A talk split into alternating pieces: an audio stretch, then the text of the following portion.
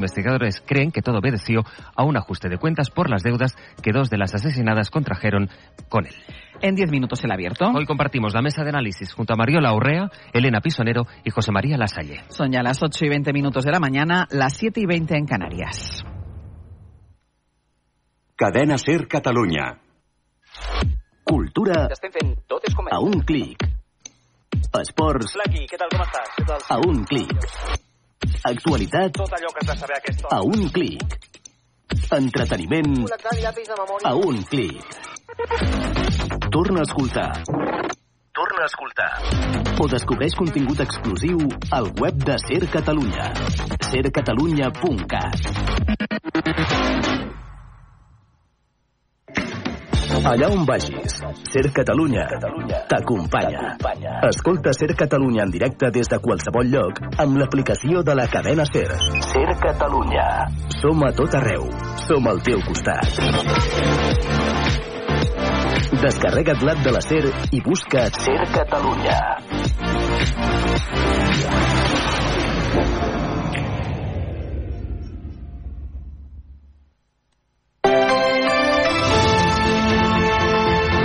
Por hoy Catalunya. Sergi López. Molt bon dia. D'aquí a poca estona el president de la Generalitat explicarà al Parlament els canvis al govern que va anunciar ahir al migdia. Aragonès ha, ha reordenat el nucli dur del seu executiu, situant a Laura Vilagrà de vicepresidenta i incorporant a Sergi Sabrià com a viceconseller d'Estratègia i Comunicació. El president ha retocat el govern per encarar amb força l'últim any de legislatura. Ara bé, els canvis ja han generat crítiques de l'oposició que l'acusen de pensar més en les eleccions que en el país. Ara ampliem aquesta i altres notícies, abans anem amb la informació servei. I el primer de tot és la informació del temps, Jordi Carbó. Ara mateix fa una mica de fred, però amb el sol que farà la major part d'hores a la tarda ambient suau. En aquests moments eh, tenim 7 graus al Vendrell, 6 a Figueres, 2 graus a Vic, 0 a la Seu d'Urgell. Al matí tindrem alguns bancs de boira a la Catalunya central, persistiran fins al migdia al Pla de Lleida, però també acabaran marxant. També a la Costa Daurada tindrem alguns moments de boira. I com dèiem, menjarà el sol i ambient molt suau a la tarda. Màximes eh, ben a prop dels 20 graus a la major part de Catalunya, superant-nos amb facilitat a l'interior de l'Empordà i de la Vall de l'Ebre. Els propers dies, temps semblant. Informació viària, anem al RAC. Bernat Pareja, bon dia. Bon dia. A la C-17, 5 quilòmetres de circulació amb congestió a l'alçada de Granollers en sentit nord per culpa de l'averia d'un camió. A la B-23, 2 quilòmetres de marxa lenta a l'alçada de Sant Vicenç dels Horts per entrar a Barcelona. A la 2, 5 quilòmetres de circulació amb retencions intermitents arribant al nus del Llobregat. A la C-58, 4 quilòmetres de retencions a l'alçada de Ripollet direcció Sabadell i 2 quilòmetres de congestió arribant al nus de la Trinitat. Pel que fa a les rondes de Barcelona, a la ronda a dalt trobem marxa lenta intermitent en tota la seva llargada en sentit Llobregat i a la ronda litoral retencions entre el nus del Besòs i Ciutat Vella en sentit Llobregat i entre el nus del Besòs i Torre Baró direcció Vallès. És tot des del RAC. Es mantenen les alteracions, d'altra banda, a la línia Llobregat-Anoia dels ferrocarrils de la Generalitat a causa d'una avaria a les instal·lacions. Els trens de la R5 i la R50 circulen amb una freqüència de pas d'un comboi cada hora entre Olesa de Montserrat i Manresa-Baixador. Pere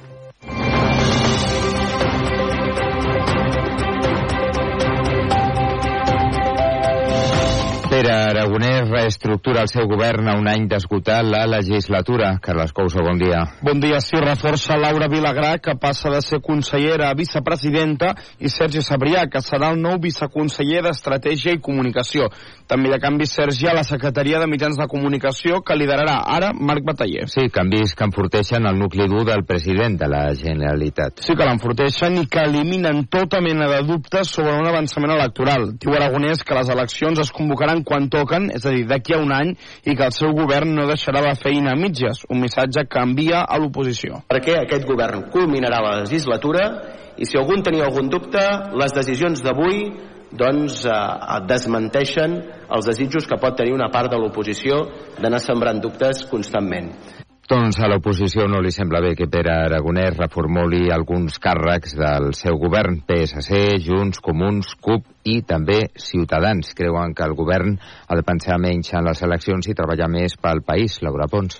Sí, la portaveu dels socialistes, Alicia Romero, assegura que Aragonès fa molts canvis, però que governa poc. En la mateixa línia es pronuncien des de Junts. El seu portaveu, Josep Rius, parla de canvis cosmètics. S'han de llegir amb clau electoral i per intentar una remuntada a la desesperada. Jessica Albiach assegura que els problemes amb sequera, sanitat, habitatge i educació no es resoldran amb nous càrrecs. També ho pensen els anticapitalistes, la Estrada diputada. Eh, què han de fer aquests nous càrrecs? Què pretén fer el president Aragonès amb el que queda de legislatura si la vol esgotar? Mentre que la formació taronja parla de sanificació. Moviments una mica de maquillatge davant de la societat catalana. Una simulació per preparar-se de cara a un any preelectoral. Hoy por hoy Catalunya. La Societat de la Neu de José Antonio Bayona per partida doble i Robot Dreams de Pablo Berger competiran per tres Oscars a la gala que es farà el pròxim 10 de març. La cinta de Bayona està entre les cinc pel·lícules nominades a l'Oscar com a millor film internacional i també en la categoria de maquillatge i perruqueria.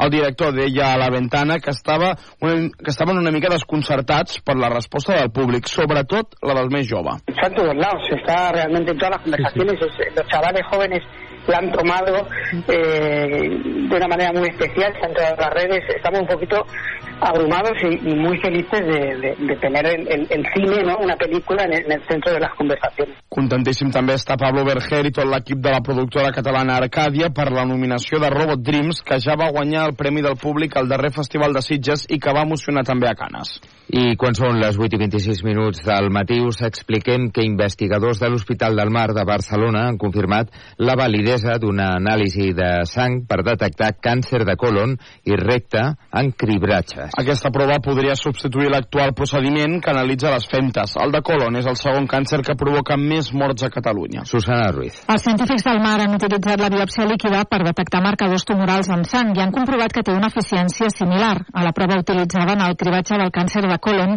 que busca sang oculta a les femtes. Els responsables de l'estudi creuen que substituint la manipulació de femtes per una analítica de sang pujaria la participació en els programes de cribatge que actualment ronda el 50%. Si nosaltres aconseguim augmentar la participació, doncs augmentarem el nombre de càncers que detectem en aquesta fase simptomàtica. Per tant, millorem molt més el seu pronòstic i millorem la supervivència d'aquest tipus de càncer. Xavier Bessa és el cap del Servei d'Aparell Digestiu de l'Hospital del Mar de Barcelona.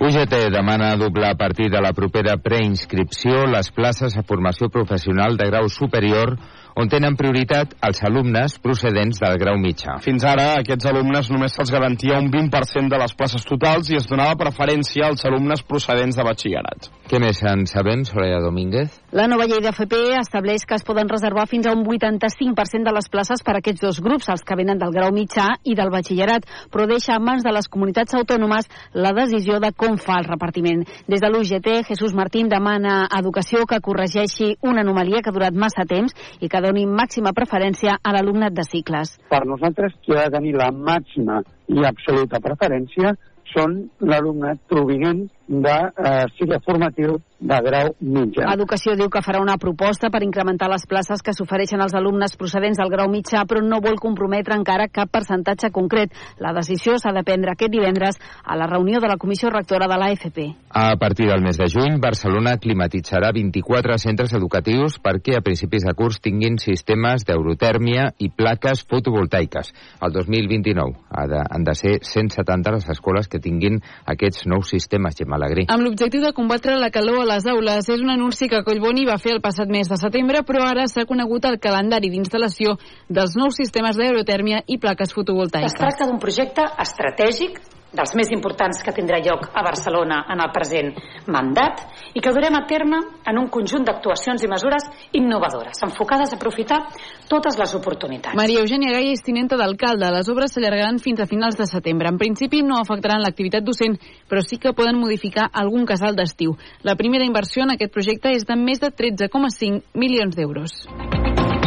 I als tribunals, l'agent de la Guàrdia Urbana, Rosa Peral, condemnada pel conegut com a crim de la Guàrdia Urbana, declara avui davant del jutge instructor per un presumpte delicte d'alçament de béns. La família de la víctima del crim creu que Peral va posar casa seva a nom del seu pare per a que no li poguessin embargar per pagar la indemnització de 850.000 euros a la que va ser condemnada. Segons aquesta acusació, el canvi de nom es va fer només sis dies abans de que el Tribunal Suprem declarés ferma la sentència. D'altra banda, la C-17 entre Parets del Vallès i Granollers Granollers han finalitzat les obres de millora de la funcionalitat i la seguretat. S'han construït un, ter un nou tercer carril a la calçada en sentit nord. El cost de l'obra ha estat de 60 milions d'euros. La consellera de Territori, Esther Capella, ha anunciat que a finals de primavera s'acabaran les obres de millora de l'accessibilitat de la carretera a zones industrials de Granollers i Lliçà d'Amunt. I avui, Mallorca-Girona i Atleti de Bilbao-Barça. Sort els dos. Dos quarts de nou. En la cadena Ser, hoy por hoy, con Ángeles Barceló. Son las ocho y media de la mañana, las siete y media en Canarias. CaixaBank patrocina este espacio. Tiempo para el análisis, tiempo para el abierto. Me río porque la Salle siempre llega apurando, apurando, apurando. Y hoy ya con la sintonía José María La Salle. Muy buenos días. Buenos días, ¿qué tal? Venga, te dejo respirar. Te saludo el primero y ahora respira. Elena Pisonero, muy buenos días. Hola, buenos días. Y Mario Laurrea, muy buenos días. ¿Qué tal? Muy buenos días. Y mira, mejor empezar con una sonrisa porque ya todo lo que viene después ya no, no, da para... No, no tiene gracia, ya no da para tanta sonrisa.